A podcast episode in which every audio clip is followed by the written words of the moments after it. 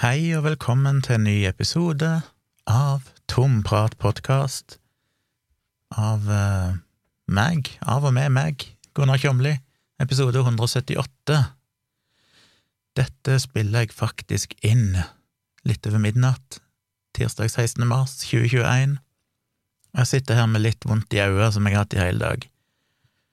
For de som har fulgt med på Dialogisk podkast tidligere, så husker dere kanskje at jeg nevnte det der, tilbake i slutten av 2019. Så begynte jeg å ha intense smerter i venstre øye.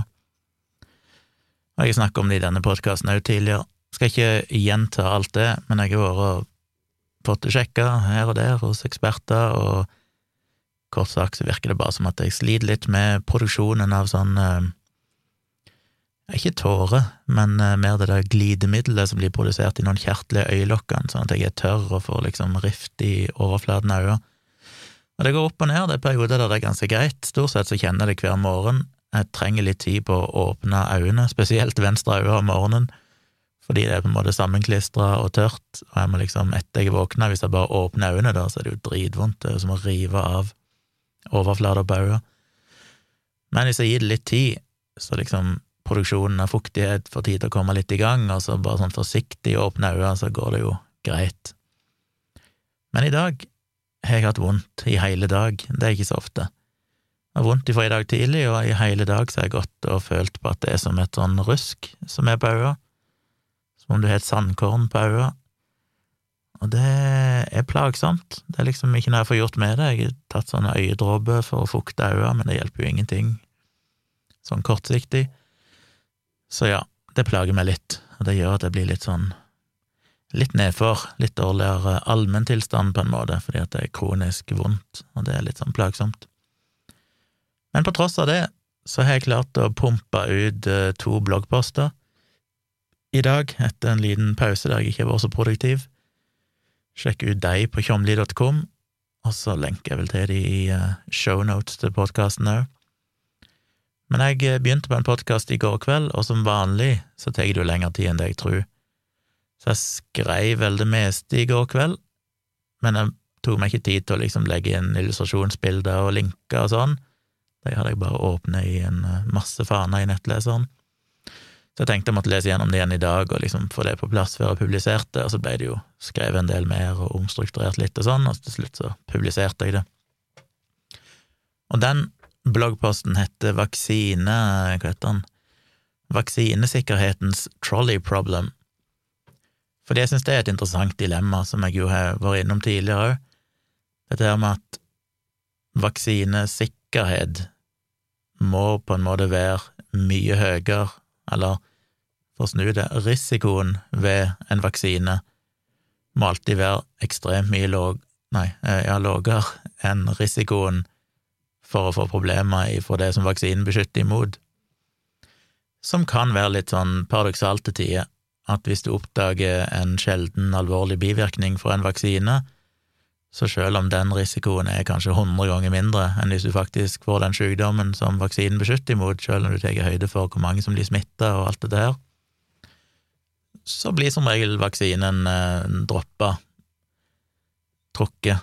Ikke at det skjedde ofte, men det skjedde skjedd noen ganger. Og det er jo et paradoks, for det betyr jo effektivt at vi velger større, en større risiko, bare fordi vi ikke ønsker å leve med ansvaret for den risikoen vaksinen medfører. Og det har vi jo sett veldig tydelig nå eh, i det siste, jeg snakket jo litt om det i forrige episode, dette her med disse blodpropptilfellene og òg disse mer komplekse syndromene, som er en kombinasjon av både blødninger, lave blodplater og blodpropper, som har sett i tre norske personer, der ei av de døde i dag, som jo er tragisk. For det er en kompleks sykdom å behandle når du både skal på en måte normalt bruke blodfortynnende mot blodpropper, men samtidig så lider de av lave blodplater, og sliter med blødninger som da blodfortynnende vil forverre, så det er liksom det er krevende. Så jeg håper jo virkelig det går bra med de to andre. Men bortsett fra det, skal ikke rippe opp igjen i hele statistikken, den er jo i stor grad det jeg snakket om sist, og foreløpig så er jo data på selve blodpropper at det faktisk er statistisk sett færre blodpropper i vaksinerte enn uvaksinerte. Så sånn sett kan en jo argumentere med at dataen så langt peker i retning at vaksinen beskytter mot blodpropper, som jo er litt sånn paradoksalt igjen, da, at det blir retta på disse tilfellene av blodpropper som nå er vel økt til rundt 40 eh, i Europa, som er latterlig lavt med tanke på at det døy en halv million mennesker i året i Europa av blodpropp, eh, og ettersom de aller fleste blodpropptilfellene ikke er dødelige, så betyr det at det sannsynligvis er enormt mange blodpropptilfeller. Bare i Norge så er det jo minst, ja, jeg har sett noen rapportere opp mot 50 000 blodpropper i året, um, der ja, en viss prosentandel av de er dødelige. Så det dør jo en del hver eneste dag av blodpropp i Norge. Og allikevel så reagerer vi da på at vi har hatt 40 tilfeller etter at vi har vaksinert 17 millioner mennesker over en tomånedersperiode. Så det er klart, det er en ganske sånn absurd eh, frykt å ha, hvis noen har det. Men de tre tilfellene i Norge er jo mer komplekse, for det er jo et slags sånn cluster med tre tilfeller, og et fenomen som er veldig sjeldent.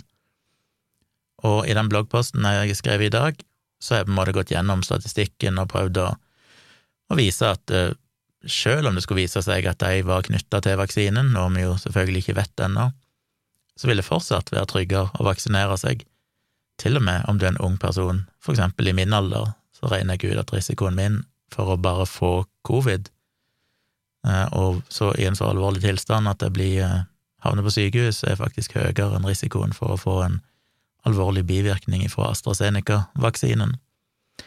Men det er krevende psykologisk, for det er klart jeg òg kjenner jo på frykt. Du får jo en sånn frykt når du leser om det. Det, er umulig å ikke tenke på det. Hadde jeg fått tilbud om AstraZeneca-vaksinen i dag, så er det klart jeg hadde kjent på en usikkerhet, selv om jeg rasjonelt sett vet at risikoen er uhyre liten. Og hvis det var det tilbudet jeg fikk om vaksine, og eventuelt måtte vente mange uker eller måneder på et annet alternativ, så er jeg nok tryggere med å ta den AstraZeneca-vaksinen. Hadde jeg fått valget mellom AstraZeneca og mRNA-vaksinene, så hadde jeg nok valgt en mRNA-vaksine, både fordi ikke primært av de alvorlige bivirkningene, men mer av de milde og forventa bivirkningene, som virker mer ubehagelig, og som en rundt ja, forskjellige data på det, men globalt så er det vel estimert rundt 10% får såpass mye bivirkninger at du må liksom ta en dag på sofaen dagen etterpå med litt feber og og slapphet og sånn, som kan være litt ubehagelig. Eh, så det er egentlig det jeg frykter mest, det å få en sånn svak sykdomsfølelse, at du føler du har litt influensa dagen etterpå. Eh, men jeg hadde definitivt tatt eh, vaksinen hvis jeg hadde fått den, men helst en mRNA-vaksine, siden de virker til å være litt sånn mindre, mindre krevende bivirkningsmessig. Når det gjelder beskyttelseseffekten, som jeg snakket om tidligere, så er det jo en del data nå, selv om jeg snakker om at en AstraZeneca-vaksinen har rundt 60 beskyttende effekt mot eh, alvorlige alvorlig covid, så er jo de tallene sannsynligvis litt lavere enn det som reelt, er reelt, fordi at eh, de testa jo den vaksinen primært på folk under 65 år, var det ikke det? Og nå som de har brukt den i den virkelige verden, i mange millioner doser, inklusiv på eldre personer, en del plasser, så ser en jo at hos de så er, blir, gir det jo enda bedre effekt, sånn at nå estimerer de vel at det er helt opp mot 90% beskyttelse mot alvorlig covid og død av den AstraZeneca-vaksinen. Så det viser jo på en måte at de tallene en fikk ut ifra fase tre-studiene, må tolkes forsiktig, som jeg sa. Det er forskjellige måter de regner dem ut på, en kan ikke bare sette dem opp mot hverandre direkte. Vi må se på en måte hva virkeligheten viser over tid når en sammenligner tilsvarende endepunkter. Så den bloggposten min tar jo da for seg dette dilemmaet, som sagt, med var det riktig å stoppe bruk av AstraZeneca-vaksinen midlertidig mens en undersøker de tilfellene av blodpropp og òg de, spesielt de tre mer komplekse tilfellene. Og jeg har jo lyst til å si ja, for jeg vil jo at vaksinesikkerheten skal være høy, men hvis en ser på det i europeisk skala, der det nå er snakk om at sannsynligvis mange hundre tusen mennesker får utsatt vaksineringen sin, og der dør 10 000-20 000 mennesker hver dag i Europa Nei, ikke hver dag, hver uke i Europa, så betyr jo egentlig det at mest sannsynlig så vil den avgjørelsen føre til veldig mange sykdomstilfeller unødvendig, og noen dødsfall. Og når det er minst 10 sjanse for at du utvikler blodpropp som konsekvens av å få covid og bli lagt inn på sykehus, så betyr jo det at vi statistisk sett vil få mange flere blodpropptilfeller ved å stoppe vaksinen enn ved å bare fortsette å vaksinere. Og det er det jeg prøver å diskutere her, det er det jeg kaller trolley problem. Dere kjenner vel dette kjente trolley problem, altså du har et jernbanespor som splitter seg litt lenger framme, og på det sporet som går rett fram, så er det fem personer som er ryggen til og ikke ser hva som skjer, og på det andre sporet så er det én person. Så kommer det plutselig trillende en løpsk jernbanevogn som går rett framover, og hvis han treffer de fem personene, så blir de umiddelbart drept. Men det er en spake på sida av jernbanen du kan dra i for å pense den vogna over på sidesporet, og da vil bare én person bli drept. Vil du da dra i den spaken, eller vil du ikke? Og det er jo et sånn vanskelig spørsmål, fordi i et sånn utilitaristisk perspektiv så ønsker en jo færrest mulig døde, så det riktige å gjøre er å dra i spaken. På en annen side sett, når du drar i spaken, så er du på en måte direkte ansvarlig for at en person dør, men hvis ikke du gjør noen ting, så er det jo på en måte ikke din feil at de fem personene døde, for det hadde jo skjedd uansett hvis ikke du var til stede. Uh, I praksis er jo ikke det helt sant, fordi at det å ikke dra i spaken er jo òg å ta et aktivt valg. Du har jo òg grepet inn i naturens gang ved å ikke dra i den spaken. Så det føles jo som at det er på en måte en mer aktiv handling å dra i spaken, men i realiteten så er det jo en like aktiv handling å ikke dra i spaken. Men det er vanskelig, det er, det er ikke sånn vi på en måte føler det. Så for mange så er det vanskelig. Eh, og jeg føler jo det er litt det vi gjør nå. Vi velger å la vogna rulle rett fram og drepe de fem personene, Eh, heller enn å ta et grep og faktisk, ja, eh, pense vogna over på det sporet som dreper én person. Og med et grep så mener jeg å fortsette vaksinering. Så eh, ved å fortsette vaksinering så vil kanskje noen oppleve alvorlige bivirkninger for vaksinen, hvis det faktisk har noe med vaksinen å gjøre, det vet vi jo ikke. Men det vi vet helt sikkert, er ved å ikke vaksinere, så vil det ha konsekvenser, for det koronaviruset tar ikke en pause mens de venter på at helsemyndighetene i Norge og andre europeiske land skal fatte en avgjørelse. Det turer videre med farlige mutasjoner og en økning, og vi har jo en økning nå på sykehusinnleggelser i Norge, med en uh, snittalder som blir stadig yngre. Så konklusjonen min i bloggposten er jo litt sånn, jeg vet ikke, men hvis en bare så på Norge alene, så ja, kanskje er det riktig å sorry, å stoppe vaksinering med denne ene vaksinen, fordi risiko og dødelighet i Norge er sånn sett låg i forhold til de fleste andre land. Men hvis du tenker mer europeisk på det, og ser at veldig mange land nå har pausa den vaksinen, og delvis er jo på grunn av Norges avgjørelse, de har liksom sett at Norge gjorde det, og derfor har de valgt å gjøre det samme, blant annet Irland, så er jeg usikker på om det er riktig. Og som jeg skriver i konklusjonen, det går litt tilbake til ting jeg snakket om tidligere, at skulle ofte ønske det var en slags AI, en kunstig intelligens, som var på en måte bare dønn kynisk og nøktern og bare tenkte utilitaristisk, som eh, tok disse avgjørelsene. For jeg er ganske overbevist om hadde du lagt inn alle variabler i en sånn kunstig intelligens, så hadde den sagt at selvfølgelig må du fortsette å vaksinere, det vil jo redde flest liv. Men vi mennesker er jo litt mer irrasjonelle enn det, vi har en del sånne følelser som det er vanskelig å komme utenom, og vi liker ikke å kjenne på ansvar. Vi vil helst være uskyldige, og da, da velger vi ofte noe som faktisk fører til mer lidelse og død, så lenge det gir oss en følelse av å være uskyldige og ikke ha bidratt aktivt til det.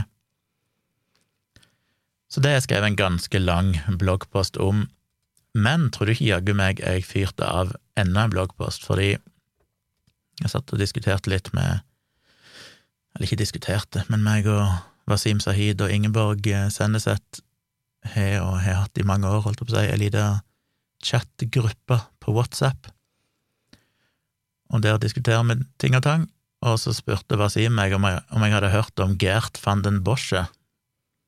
Så sa jeg nei, det var et ukjent navn. Han sa han hadde sett det navnet bli kasta fram, det er visst en, eh, en fyr som mener at det vil være katastrofalt å drive og vaksinere midt i en pandemisituasjon. Og det var jo interessant, fordi han godeste Fanden Bosche, han er jo ikke noen vaksinemotstander, han er jo en vaksineforsker. Virker som han er særdeles kompetent. Blant annet vår konsulent for vaksinealliansen Gavi og alliert med Bill and Melinda Gates Foundation. Så han vet jo på en måte hva han snakker om. Men han argumenterer da for, og dette har han gjort i blant annet et foredrag, pluss at han òg dukker opp i diverse YouTube-videoer og podkaster nylig, og mener at ja, det foredraget, de slidesene ligger ute på nett, og de er ganske komplekse, langt over mitt hode, men det som er kjernen i argumentet hans, er jo at det å drive og vaksinere i en pandemisituasjon når det er høyt smittepress og sånn, det vil føre til at vi egentlig skaper et evolusjonært evolusjonært, eller et seleksjonspress mot at virusene skal bli farligere og unngå immunforsvaret vårt. Så han mener vi gjør vondt verre. Eh, han mener vel òg at den immuniteten vi får fra vaksinene, er en sånn type som ikke vil virke mot fremtidige mutasjoner, og dermed gjør oss dårligere rusta enn om vi hadde bare fått naturlig eh, immunitet. Så på en måte så er dette en slags variant av The Great Barrington Declaration, som altså argumenterer med at vi egentlig bare bør beskytte de mest sårbare, og så bør resten av samfunnet bare åpne opp, og så må vi heller satse på naturlig immunitet, naturlig flokkimmunitet, som jo veldig mange har vært uenig i, inklusiv meg sjøl, for det vil jo definitivt føre til mange millioner unødvendige liv tapt, og mest sannsynlig ikke føre til noe bedre immunitet. Så jeg har jo satt og researcha det litt og skrevet en bloggpost, og selv om hypotesen hans teknisk sett er korrekt, at ja, vaksinering utgjør et slags seleksjonspress på virusene og, og, kan gjøre at de blir mer aggressive. Så har vi jo allerede sett at allerede før vi begynte å vaksinere, så fikk vi jo minst tre farligere og mer smittsomme mutasjoner. Det britiske, det sørafrikanske og den fra Brasil. Så det var jo helt uten vaksine. Så det betyr at vi stopper ikke det uansett. Eh, fordi så lenge mange nok mennesker blir smitta, og det etter hvert oppstår naturlig immunitet, så vil det samme seleksjonspresset skje. Eh, så viser jeg ut noen nyere studier som kom rett før han holdt dette foredraget sitt, så teknisk sett burde han ha fått det med seg, som viser at eh, vaksinene, spesielt de mRNA-vaksinene fra Pfizer og Moderna, er effektive mot mutasjonene. Ikke bare det, men de ser òg ut til å være mer effektive enn det naturlig immunitet er, som på en måte totalt hogger beina av påstanden hans.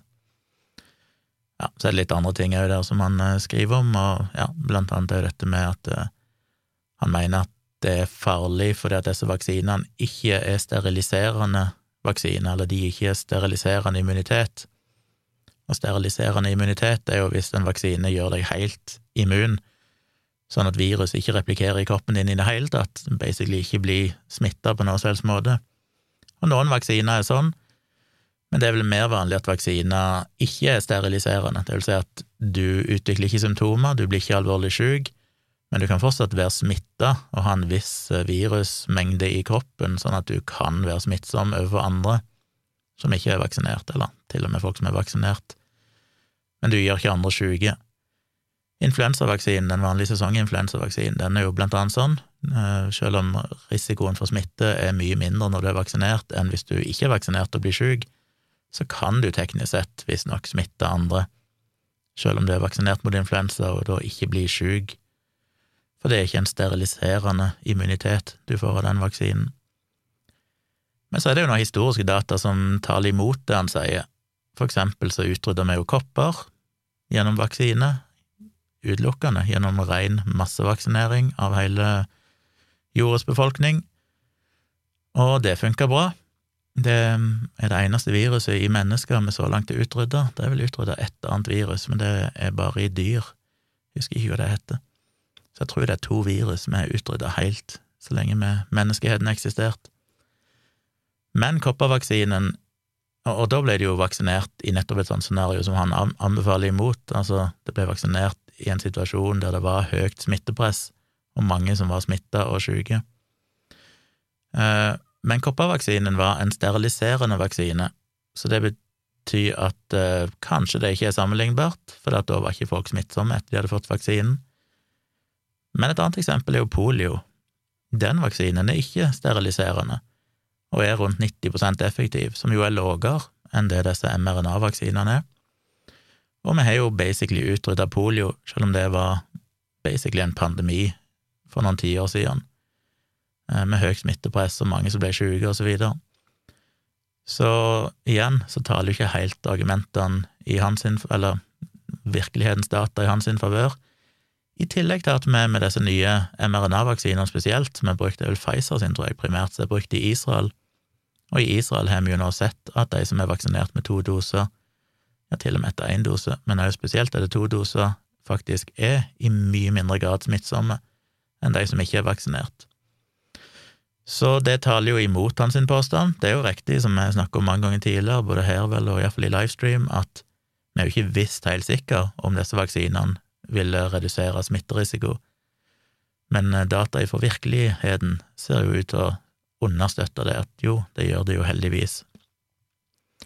Og da står vi egentlig igjen med den konklusjonen at den beste måten å kvitte seg med denne pandemien på, er å vaksinere flest mulig fortest mulig, fordi det er en kamp imot mutasjoner. Hvis vi vaksinerer for seint, så får fortsatt virusene tid til å mutere, og eh, da kan det jo være på et eller annet tidspunkt at vaksinen ikke virker veldig godt lenger. Men hvis vi klarer å vaksinere fort nok, fordi dette er et virus som muterer relativt seint, tror det er bare halvparten så mange mutasjoner som i influensa, og en fjerdedel så mye som i hiv, mener jeg jeg leste.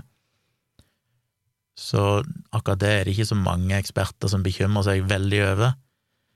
I tillegg så er det ikke noe nytt han kommer med, han Bosch, og det blir jo fremstilt som at dette er helt nytt, og anti- eller vaksinemotstandere har jo kasta seg over det nå, for det er med en gang de finner en eller annen fagperson, en eller annen som har noen uh, fine titler og bokstaver etter navnet sitt, som sier noe de vil høre, så elsker de jo personen sjøl, om han er vaksineforsker, og de sikkert ville være uenig med han i nesten alt annet. Men akkurat i dette tilfellet, ja, ikke minst at han er involvert med Bill Gates, men eh, i dette tilfellet så elsker de han jo, for han sier noe de vil høre, det høres faglig ut at vi burde ikke vaksinere. Problemet er at dette er jo ikke nytt, dette er jo noe folk har visst siden pandemien starta, dette er jo en reell bekymring eh, som en har fulgt med på, som jeg òg viser i bloggposten, at dette er jo omtalt på nettsidene til CDC og sånn lenge før han Bosch, Bosche kom ut med sin advarsel, som han kaller det. Og advarselen hans er jo basically bare et brev han har skrevet til Verdens helseorganisasjon og FDA og CDC og en del andre for å advare dem mot en fremtidig katastrofe heller enn å faktisk skrive en vitenskapelig artikkel og få den publisert og fagfellevurdert. Det har han jo ikke gjort, så jeg tror ikke vi trenger å ta dette fryktelig seriøst, men les gjerne de to bloggpostene, og jeg blir veldig glad om dere deler de videre, for jeg vil jo helst at eh, de skal spres, og det er jo ikke alltid like lett. Hvis en ikke skriver i en avis eller et eller annet sånt, så er det jo litt vanskelig å få ut det glade budskap. Så all hjelp jeg kan få av dere til å dele på Twitter og Facebook og, og sånn, blir jeg veldig glad for. Men så fikk jeg en eh, kommentar, skal vi se, under den første av de to bloggpostene, Vaksinesikkerhetens trolley problem. Og det er en kommentar jeg har sett blitt brukt òg på Twitter andre plasser, der det er ei som skriver eh, ja, at vi, vi må ikke se vekk ifra at det faktisk kan være en sammenheng mellom disse alvorlige bivirkningene og vaksiner. Og så skriver hun da bør i tilfelle alle som så bedrevitende og selvhøytidelig, selvhøytidelig i mange år har rakket ned på dem som er vaksineskeptisk, inklusiv varslende forskere og fagfolk, nødt til å jekke seg ned noen hakk og møte seg selv i døren, kanskje til og med være så moden å krype til korset og beklage tidligere hovens skråsikkerhet samt latterliggjøring av føre-var-mennesker som blir stemplet som konspifolk og antivaksere. Og i prinsippet så er jeg jo enig i at ja, hvis en tar feil, og de en var uenig med har rett, så bør en være stor nok til å beklage og, og si at sorry, du hadde faktisk rett.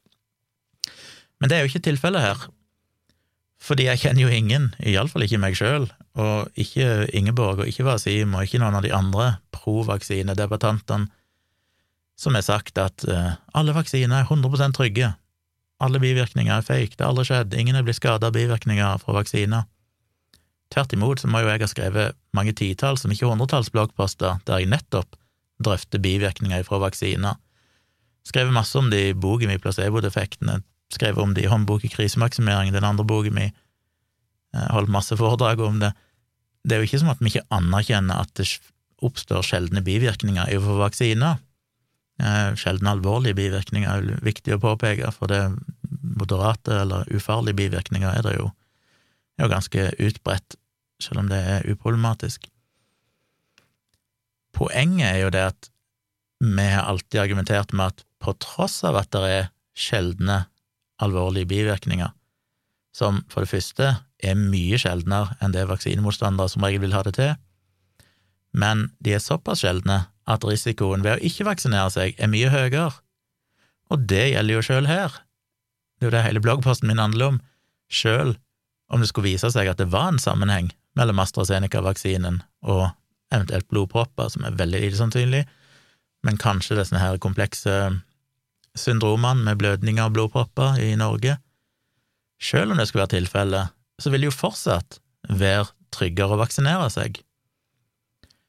Um, vaksinen vil jo garantert bli stoppa hvis det viser seg å være en sammenheng, bare fordi, som jeg sa innledningsvis, vi setter jo vi vil ha mye lavere risiko for vaksinene enn sykdommen vaksinen beskytter imot, spesielt når vi faktisk har andre vaksiner som kan brukes istedenfor, som ikke har de bivirkningene.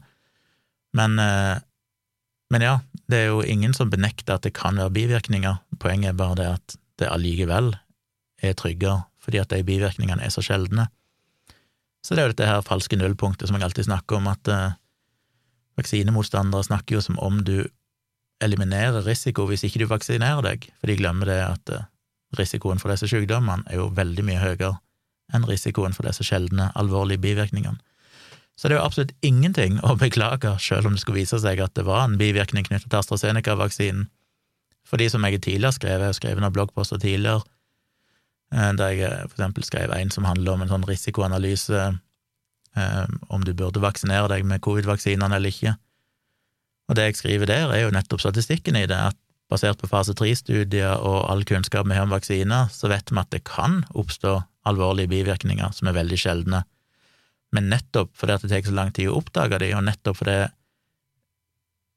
vi har vaksinert så mange mennesker, men hvor mange er det som er vaksinert nå? Er det flere hundre millioner? uten at han oppdager noe, så betyr det jo per definisjon og Hvis en ser på AstraZeneca spesifikt, så er jo den vaksinert med 17 millioner i Europa, men i tillegg så er det jo gitt millioner doser i India og andre land, så jeg vet ikke hvor mange doser som er gitt totalt sett. Så uansett hvordan en regner på det, så er jo risikoen så ekstremt mye mindre enn risikoen ved å få koronavirus og covid-19. Uh, eh, nå snakker vi litt vekk hvor de begynte, det resonnementet. Ja, anyway, poenget er vel ganske tydelig. Så det er jo ingenting å beklage.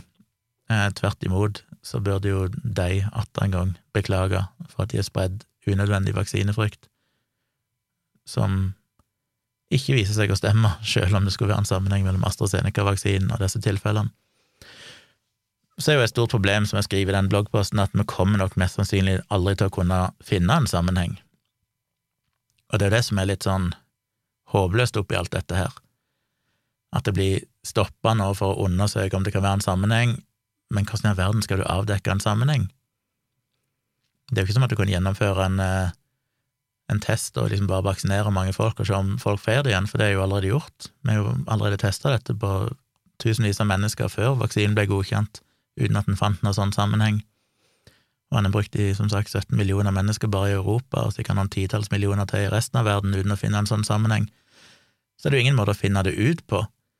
Det eneste en kan gjøre, er jo å granske sykdomshistorikken og om det finnes andre ting som kan ha spilt inn hos disse folkene som har fått denne, dette syndromet eller denne sykdommen, og så ha en form for vurdering av om det finnes en mer sannsynlig årsak enn vaksinen. Så du kan på en måte til en viss grad si at det er mest sannsynlig at det ikke er vaksinen, men du vil jo aldri kunne si med 100 sikkerhet at ikke det var det i akkurat de tilfellene. Så hva sitter du igjen med da? Jo, da sitter en jo igjen med at eh, det beste myndighetene kan si om ei uke når de er ferdig med granskingen, er at vi tror ikke det har noe med vaksinen å gjøre, så derfor fortsetter vi å bruke den vaksinen. Og det tror jeg vil være et veldig lite tilfredsstillende svar for de fleste. De kan òg si at uh, det har noe med vaksinen å gjøre, men det kan de jo egentlig ikke gjøre, for det kan jeg ikke tenke meg hvordan de skal klare å konkludere med det. De kan vel i beste fall da si at vi finner ikke noen annen mer sannsynlig årsak, og disse tre tilfellene er tre tilfeller som er såpass sjeldne at vi anser det som en overhyppighet, og dermed må vi ja, droppe vaksinen. Men jeg sliter med å skjønne hvordan vi skal komme til det, fordi at ja, det er nok kanskje en statistisk overhyppighet i Norge, hvis du bare ser på de 120 000 dosene som er gitt av AstraZeneca-vaksinen i Norge, men det er jo på ingen slags måte en overhyppighet i europeisk eller global standard. Det ene syndromet som dette minner om, som heter Hvorfor en av de var det? Det var vel Skal vi se, må finne igjen det jeg skrev. Uh, ja, de mest sannsynlige syndromene er jo TTP, eller trombotisk trombocytopenisk purpura, eller noe som for DIC, disseminert intravaskulær koagulasjon. Det er sannsynligvis ingen av dem, for eh, så vidt jeg vet, er det noe annet som eh, ser ut til å være gjeldende i dette tilfellet. Men det minner om de to, for de er begge sånne tilstander der du kan få masse små blodpropper samtidig som du får masse blødninger. Men hvis en ser på for eksempel hyppigheten av DIC, så er den Jeg husker ikke tallene, for det skrev jeg ikke i bloggposten, men det står i en av kildene så er det, jeg tror det var én til to eller sånn per million. Men det er fortsatt da eh, mer vanlig, holdt jeg på å si eh, Altså, det er fortsatt sjeldnere hos de vaksinerte, hvis en tar alle som er blitt vaksinert med en vaksine, enn det vi forventer å se normalt sett. Så jeg, ja, jeg tror det blir vanskelig å kunne konkludere med at det både er og ikke er vaksinen, så det blir bare sånn som med hjernehinnebetegnelsevaksinen, dette vaksineeksperimentet med denne meningokokk-vaksinen på slutten av 80-tallet og tidlig 90-tall, der en del i ettertid mente at de hadde fått ME av dette vaksineforsøket. Og så gjennomførte Folkehelseinstituttet en stor studie der de sammenligna vaksinerte med uvaksinerte for å se om det var noen overhyppighet av ME hos de vaksinerte, og konkluderte med at det fant de ikke, sjøl om det var svakheter med den studien. Det var relativt få som svarte på det spørreskjemaet, og det var relativt få som ble undersøkt og sånn, men det er blitt gjort analyser av andre. Verdens helseorganisasjon vurderte dette og konkluderte på samme måten, at det neppe var noen sammenheng mellom vaksinen og ME. Pluss at denne meningokokkvaksinen I dag så er det jo en annen meningokokkvaksine som blir tilbudt til for eksempel russ og sånne ting. En helt annen type. Men den de hadde på den tida, ble brukt i blant annet New Zealand i mange, mange år, og et eller annet land som jeg ikke husker, uten at han har funnet noen som helst overhyppighet av noen sykdommer eller ME eller annet. Så mest sannsynlig så var det absolutt ingen sammenheng, men det kan du på en måte ikke si.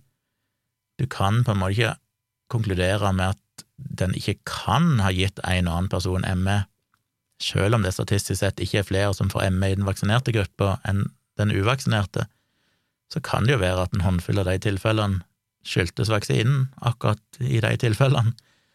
Allikevel så er det vel 300, omtrent 280 eller sånn, som går til søksmål mot staten, som er vel en ting som pågår fortsatt. Um, de har jo krevd pasientskadeerstatning og sånn, men jeg lurer på om det var i 2018 de ble de skulle gå til et massesøksmål mot den norske stat, som vel er en sånn pågående greie. Så det, det, viser jo bare litt at selv om du på en måte gransker dette, og alle data peker i retning at det ikke er noen sammenheng, så, så, er folk såpass redde at det er vanskelig å komme forbi det. Og det tror jeg vi vil se nå. Så litt av konklusjonen i min bloggpost er at vi mest sannsynlig har mista en vaksine. Jeg tror det blir vanskelig å ta i bruk AstraZeneca-vaksinen igjen. Det beste utfallet vi kan få, er nok at de finner en sammenheng med vaksinen, men at den er knytta til én spesiell batch, altså et, eh, et, parti av vaksinen som kan ha blitt forurensa eller hatt en produksjonsfeil eller noe sånt. Fordi da kan en både få et på en måte endelig svar, selv om jeg sliter igjen med å se at de skal klare å få et endelig svar, men hvis de klarer det, samtidig som du kan isolere det til liksom bare noen vaksiner som da blir tatt ut av sirkulasjon. Men til og med i det scenarioet så vil vel folk være usikre og tenke ja, ja, skjedde det med én batch, så kan det vel skje med en batch til, så jeg vil helst ikke ha den vaksinen. Så realiteten er at jeg tror vi mister en vaksine. Jeg tror det blir vanskelig å gjen, gjenopprette den tilliten til akkurat den vaksinen og det vil jo forsinke vaksinering, som igjen vil bety at vi garantert vil oppleve mange flere dødsfall enn det vaksinen i verste fall kunne ha gitt, som da blir dette etiske dilemma som jeg syns er krevende å prøve å redegjøre for. Så ja, igjen, da, les bloggpostene hvis dere vil ha alle data for det. Eh, så fikk jeg òg et spørsmål eh, Jeg fikk dette her med å beklage til vaksinemotstandere, som jeg er redegjort for. Men jeg har òg fått flere plasser dette klassiske spørsmålet med ja, hvorfor i all verden skal vi høre på Tjomli? Når det er en ekspert her, han er Bosche for eksempel, som er en ekspert som sier et eller annet, hva i all verden? Skal vi bry oss om hva du mener, Tjomli? Og det er jo en påstand jeg har møtt mange ganger, til og med blogga om det for mange år siden, akkurat det. Og svaret mitt er jo at du skal ikke, skal ikke høre på Tjomli, det er sagt mange, mange ganger, jeg forventer ikke at noen lytter til meg, og i den bloggposten om han Bosche så skriver jeg jo eksplisitt at jeg er jo ikke kompetent til å overprøve en ekspert som han Bosche, men det finnes mange andre eksperter som har gjort det, og min jobb er jo mer journalistisk, det er å på en måte legge fram informasjonen og prøve å systematisere det og forklare det på en måte som folk skjønner, folk som normalt ikke gidder å lese forskningsartikler og, og grave seg ned i sånn nerdete tema. Så det er jo ikke fordi at jeg sier det, at du skal kanskje være skeptisk til han Bosje, men fordi jeg viser til omfattende dokumentasjon, blant annet publiserte studier som viser at, at eh, vaksinene ser ut til å redusere smittsomhet, at de ser ut til å virke veldig bra mot framtidige mutasjoner og alt dette her, pluss at jeg refererer til andre eksperter på feltet som har kritisert Bosche. Og det er jo det, det er så rart for meg at ikke folk skjønner det, og paradokset er jo at en del av de er på en måte provosert av at jeg har en mening om dette, og så ser de på en måte ikke den enorme trestammen i sitt eget øye ved at de aktivt ved å si det går ut og har en mening om det sjøl, og sjøl er veldig aktive.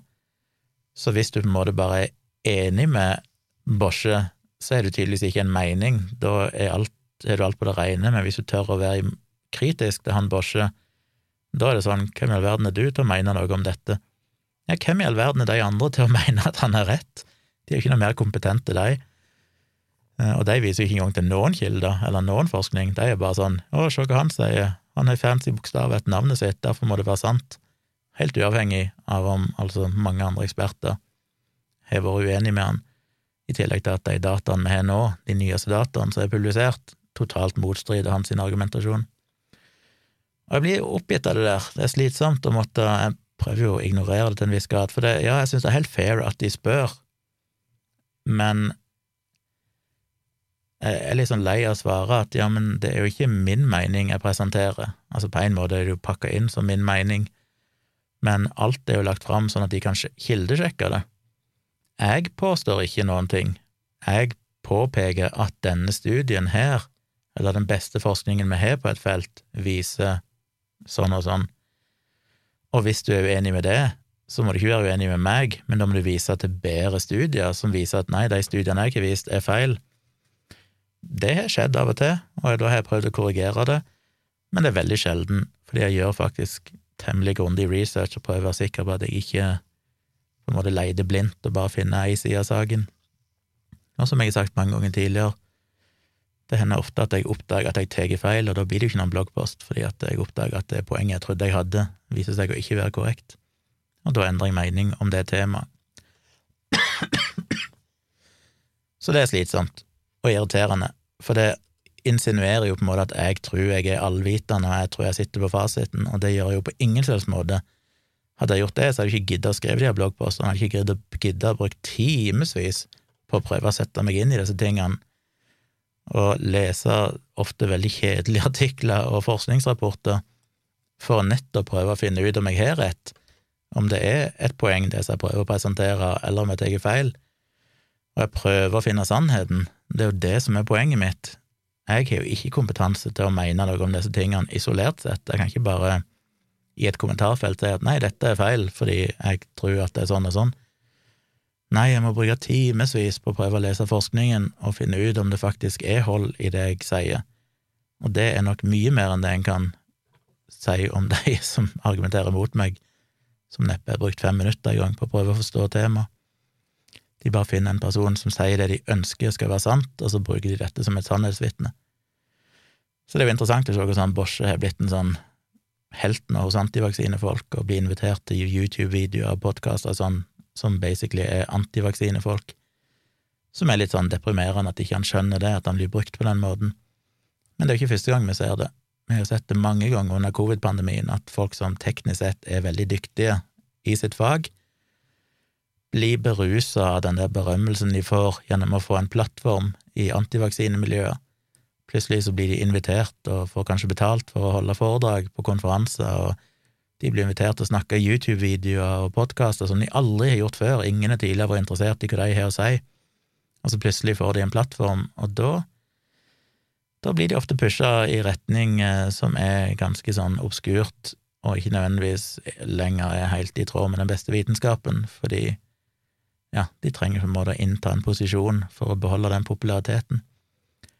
Og det er mulig, det er det vi ser med han Bosje, som er trist, at han ikke skjønner at her bør han faktisk sette sin egen heder og ære unna det som faktisk er sant, og heller holde kjeft.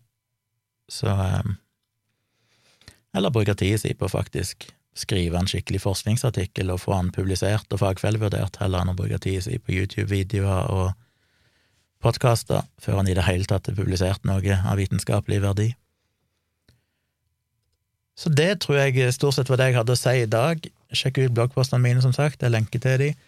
Jeg hadde et par ting til, jeg må bare nevne veldig fort. Det var bare et par linker jeg oppdaget jeg hadde lagra for en tid tilbake, og så glemte jeg litt vekk. Den ene var Ja, det er ikke så lenge siden, faktisk, det er bare noen dager siden, men jeg kom over en artikkel eh, ja, via bloggen, den bloggen som heter Why Evolution Is True, som jeg har fulgt i mangfoldige år.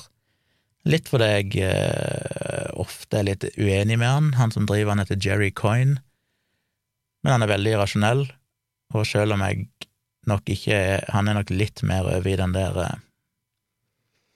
Ja, når det gjelder spørsmålet om, spørsmålet om eh, litt mer sånn progressive tema, som kjønn og, og, transidentitet, eller kjønnsidentitet og transpersoner og sånn, så føler jeg jo at han kanskje er litt mer sånn old school. Men jeg synes det likevel er interessant å lese hva han her skriver, for han er, en, han er jo en saklig og kompetent og flink person. Så det syns jeg er sånn grei input å få. Og han skrev nylig om at det i California så er det blitt foreslått en ny lov. Er det det? A bill? Er det en lov? Eh, eller forskrift, eller hva den er, tilsvarer som vil fjerne separasjonen mellom gutte- og jenteseksjoner i butikker. Det er primært butikker som selger mm, childcare items, altså alt mulig slags dilldall som en bruker for å Ja, hva heter det?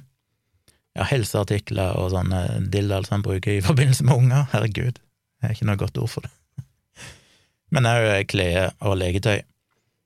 Og tanken er at hvorfor skal det være et skille mellom jentelege og guttelege, eller jenteklede og gutteklede, burde ikke dette bare vært samla, og så kan unger sjøl velge hva de liker, uten at vi skal legge føringer? Og det ble jeg jo veldig glad for å se, for det er jo nøyaktig det samme som jeg sjøl har sagt eh, tidligere i Dialogisk, der vi har diskutert dette her, og jeg har sagt at hvorfor i all verden har vi dette skillet? Hvorfor er det liksom ikke bare for barn, men også for voksne? Det er klart det er noen sånn praktiske utfordringer, som at måten en en eh, definerer størrelser på, er i utgangspunktet forskjellig for kvinner og menn, men det burde jo være verdens minste problem å kunne standardisere det på en eller annen måte. Det er jo bare å Vi kan ikke bruke fortidens eh, kjettinger til å holde oss igjen for å bevege oss framover, så det klarer vi å endre hvis vi vil. Men iallfall hos barn så synes jeg det er viktig, for jeg er jo sjøl en datter, og jeg sjøl irriterte meg veldig over at meg og mora til dattera mi vi hadde jo en slags idé om at vi skal ikke bli sånn at hun må ha rosa, for det er jo ei jente. Og det var lett å si, helt til du kom inn i en faktisk fuckings klesbutikk og oppdaga at alt var enten rosa i jenteavdelingen, eller så var det med liksom sånn, ja, holdt på å si Hello Kitty og My uh, Pony, hva heter det, My et eller annet Pony, uh, i jenteavdelingen, mens i gutteavdelingen så var det liksom helt, andre ting. Uh, og klærne er liksom tilpassa veldig ja, på forskjellige måter. Jeg skulle ønske at det gikk an å finne, i det minste, om, ikke, om det så fortsatt var delte avdelinger, Så iallfall at det i jenteavdelingen gikk an å finne klær som ikke bare var sånn jentete og rosa. Og du finner vel det, så vidt jeg vet, i litt mer sånn dyrebutikker, men hvem har vel råd til det? Mer på sånn Hennes og Maurits og de mer vanlige butikkene der en går og handler, så har råd til å handle, så, eh, så var det veldig segmentert. Og det irriterte meg, og det hadde jeg blitt veldig glad om de kunne endre, så jeg, for eh, California, hvis den uh, loven går gjennom og blir signert av guvernøren, så skal den tre i kraft 1. januar 2024. Så ligger jo noen år fram i tid. Men det syns jeg var kult, og håper det kan bane vei for andre land òg, at vi iallfall i barneavdelinga kan prøve å fjerne den segmenteringa.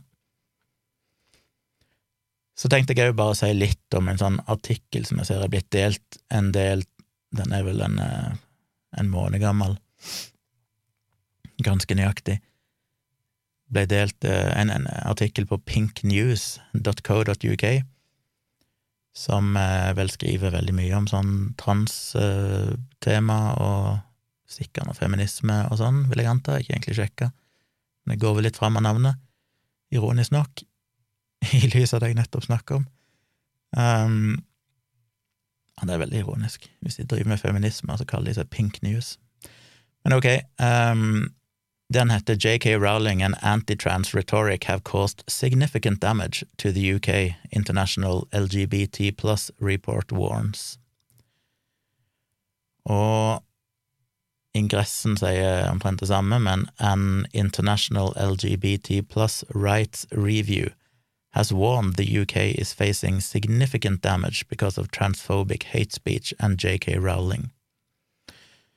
Og den er jo blitt brukt mye som et sånn eksempel på at i denne her transdebatten og, og Rowling-debatten som jeg òg snakka om tidligere, at eh, jo da, det har faktisk konsekvenser, det hun sier, og det at du sier populære talspersoner mener. Og ja, artikkelen er på en måte en oppsummering av artikkelen av uh, rapporten. Jeg skal lenke til både artikkelen og direkte rapporten, så dere kan se sjøl. I rapporten så tar de for seg veldig mange land, og på en måte går gjennom litt sånn forskjellige faktorer. Sånn, Uh, hvis jeg ser på UK, da, United Kingdom, så er det asylum, bias motivated speech, bias motivated violence, bodily integrity, education, equality and non-discrimination, family, så videre og. Og på en måte gjøre en liten analyse av hva er tilstanden der, spesielt det siste året, da. Og så er det i tillegg en sånn country ranking, der visstnok eh, Storbritannia tidligere Eller det er jo ikke Storbritannia, det er så irriterende det der at Great Britain er ikke Storbritannia, og United Kingdom er ikke Storbritannia. Hva sier det nå igjen? Great Britain Nei, UK er det det, er det det som er nærmest det vi kaller Storbritannia, mens Great Britain blir noe annet. Det er Storbritannia minus et eller annet. Jeg husker faen ikke. Anyway, eh, la ikke kalle det Storbritannia. De var tidligere veldig langt oppe. Nå er de på tiendeplass, de har visstnok sunket en del de siste årene. Norge ligger på fjerdeplass. Øverst er Malta, så kommer Belgia, så kommer Luxembourg, så kommer Norge. Så eh, vi ligger jo godt an der på eh, country ranking av eh, Hva er det egentlig definisjonen her er? Ja, det er iallfall hvor bra en rate på liksom transpersoner, eller LGBTQ-personer, generelt sett, ikke bare transpersoner, men alle sånne seksuelle eller kjønnslige minoriteter, hvis en kan kalle det det, i mangel av et bedre ord. Så vi ligger jo ganske godt an der, og det er jo interessant å se Norge. Men eh, først England. Jeg føler jo ikke egentlig de underbygger påstanden. De, de nevnte liksom da på bias motivated speech, så skriver de Anti-trans rhetoric continued to cause serious damage in the UK again this year. A prime example is repeated transphobic attacks by author J.K. Rowling on Twitter and in her writing. Her statements have been harshly criticized by trans people, activists, and writers. A growing number of celebrities, including from Harry Potter films, have spoken out in support of trans communities.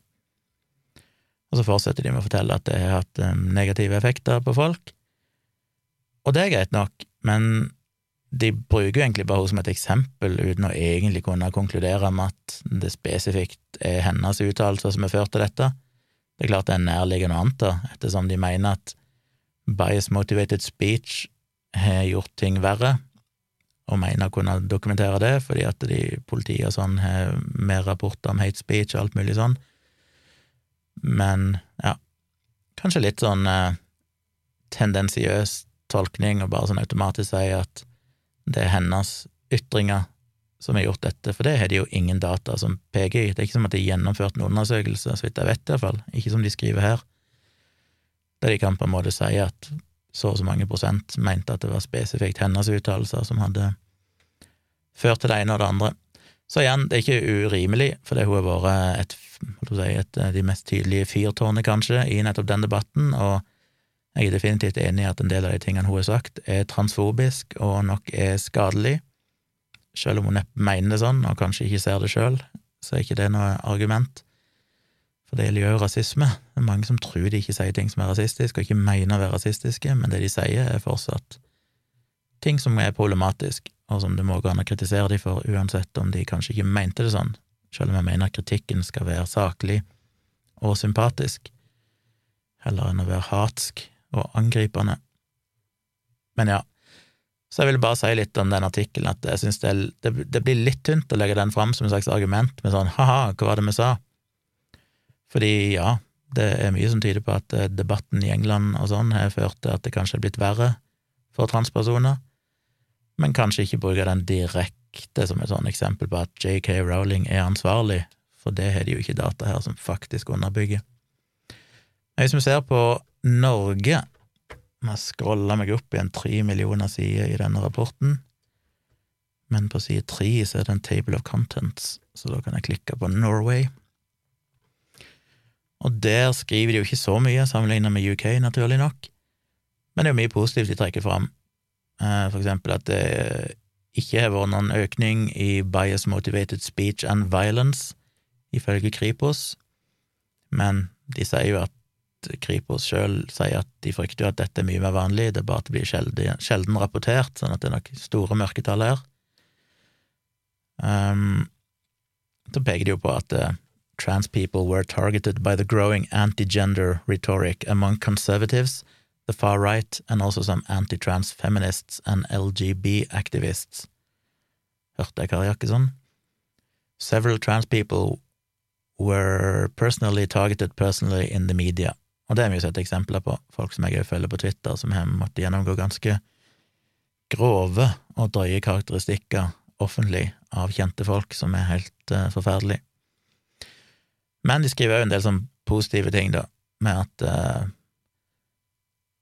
uh, ja, 2476 feminists signed a joint statement calling for the inclusion of trans people in the movement an important move in light of the growing anti-gender rhetoric in feminist movements across Europe.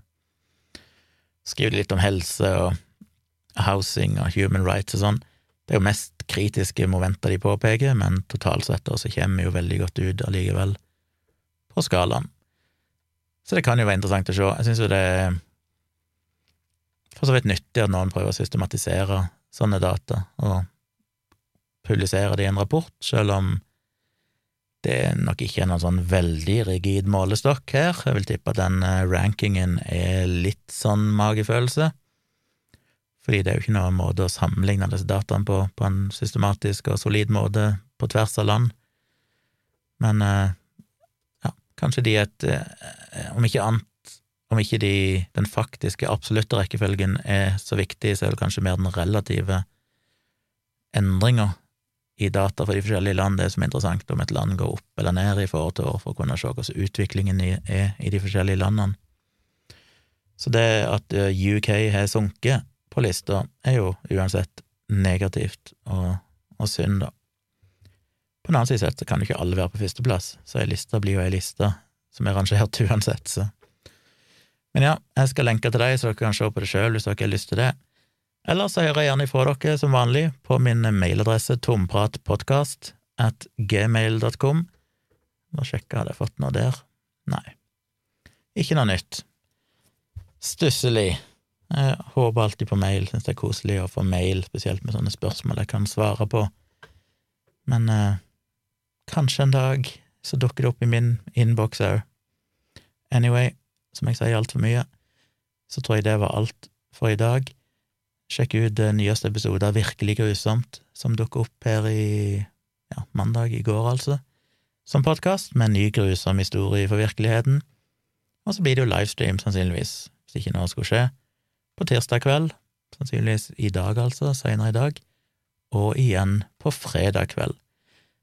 Og det siste jeg vil si, det er ikke helt avgjort, men jeg må bare si, for det er litt sånn oppløftende, kanskje, det at jeg tror kanskje vi skal prøve å, å få dattera mi her i påsken. Det føles jo vanskelig, gitt at det i dag så ble eh, Oslo stengt ned enda mer, med enda strengere restriksjoner.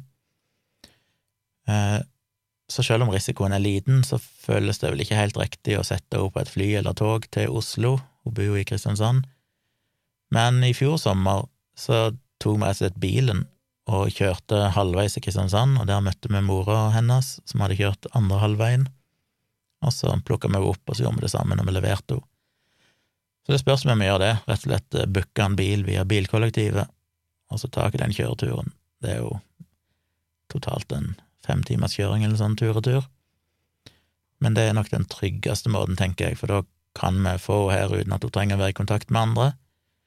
Det eh, bør være veldig liten risiko knytta til det, så lenge meg og Tone sjøl er smittefrie, som vi jo håper at vi er, og prøver alt vi kan å være. Og så stort sett holder dere inne når hun er her i Oslo. Kunne tro det var kjedelig for henne, men det er det hun ønsker. Hun sier hun savner noe, hun sier hun lengter tilbake igjen til Oslo, og hun synes det er helt topp, og hvis hun bare kan være inne hele tida, for det tror jeg er litt sånn litt sånn frihet ifra hverdagens ja, kjas og mas der hun bor, med venner og alt av drama, tenåringsdrama og sånne ting. Så jeg tror hun koser seg veldig, egentlig, bare med å, å ligge her på rommet sitt og slappe av og bare ha litt fri for alt. og kunne henge mot oss. Pluss at jeg har noen filmer jeg har lyst til å se om som jeg snakker om i livestreamene mine. Det blir ofte litt sånn mimring der, og ja, Cocoon, for eksempel. Det er jo sånn filmer jeg elska da jeg var yngre, og jeg har litt lyst til å se igjen. Både at Tone skal se de, og òg kanskje at Maja ville ha likt å se Cocoon-filmene. Uh, og kanskje òg Willow, som jo er min favoritt-fantasy-film, som jeg syns er ti millioner milliarder ganger bedre enn Lord of the Rings. Uh, ja. Så jeg får se om jeg klarer å dra med på det. Hun er alltid negativ når jeg foreslår sånne filmer, for sånn åh, kjedelig, gamle filmer. Men når hun faktisk ser de, så liker hun de jo alltid, så gjelder bare å få over den kneigen. Så det håper jeg vi kan gjøre, men det er jo fortsatt en liten stund til påske, og så må jeg sjekke at mora hennes har tid og mulighet til å kjøre andre halv, halvdelen av veien, og at det er ledig bil og alt dette her. Men det hadde vært veldig godt å se igjen nå, for nå er det jo Ja, når påsken kommer, så er det jo ganske nøyaktig tre måneder siden jeg så henne sist, som var første juledag, da hun reiste herifra etter noen dager her i jula. Så litt oppløftende. Det gleder jeg meg til. Det gleder hun seg veldig til. Håper vi klarer å få det i boks. Så da vil jeg bare takke for at du hørte på atter en lang episode, og så er jeg tilbake igjen med en ny podkast på fredag.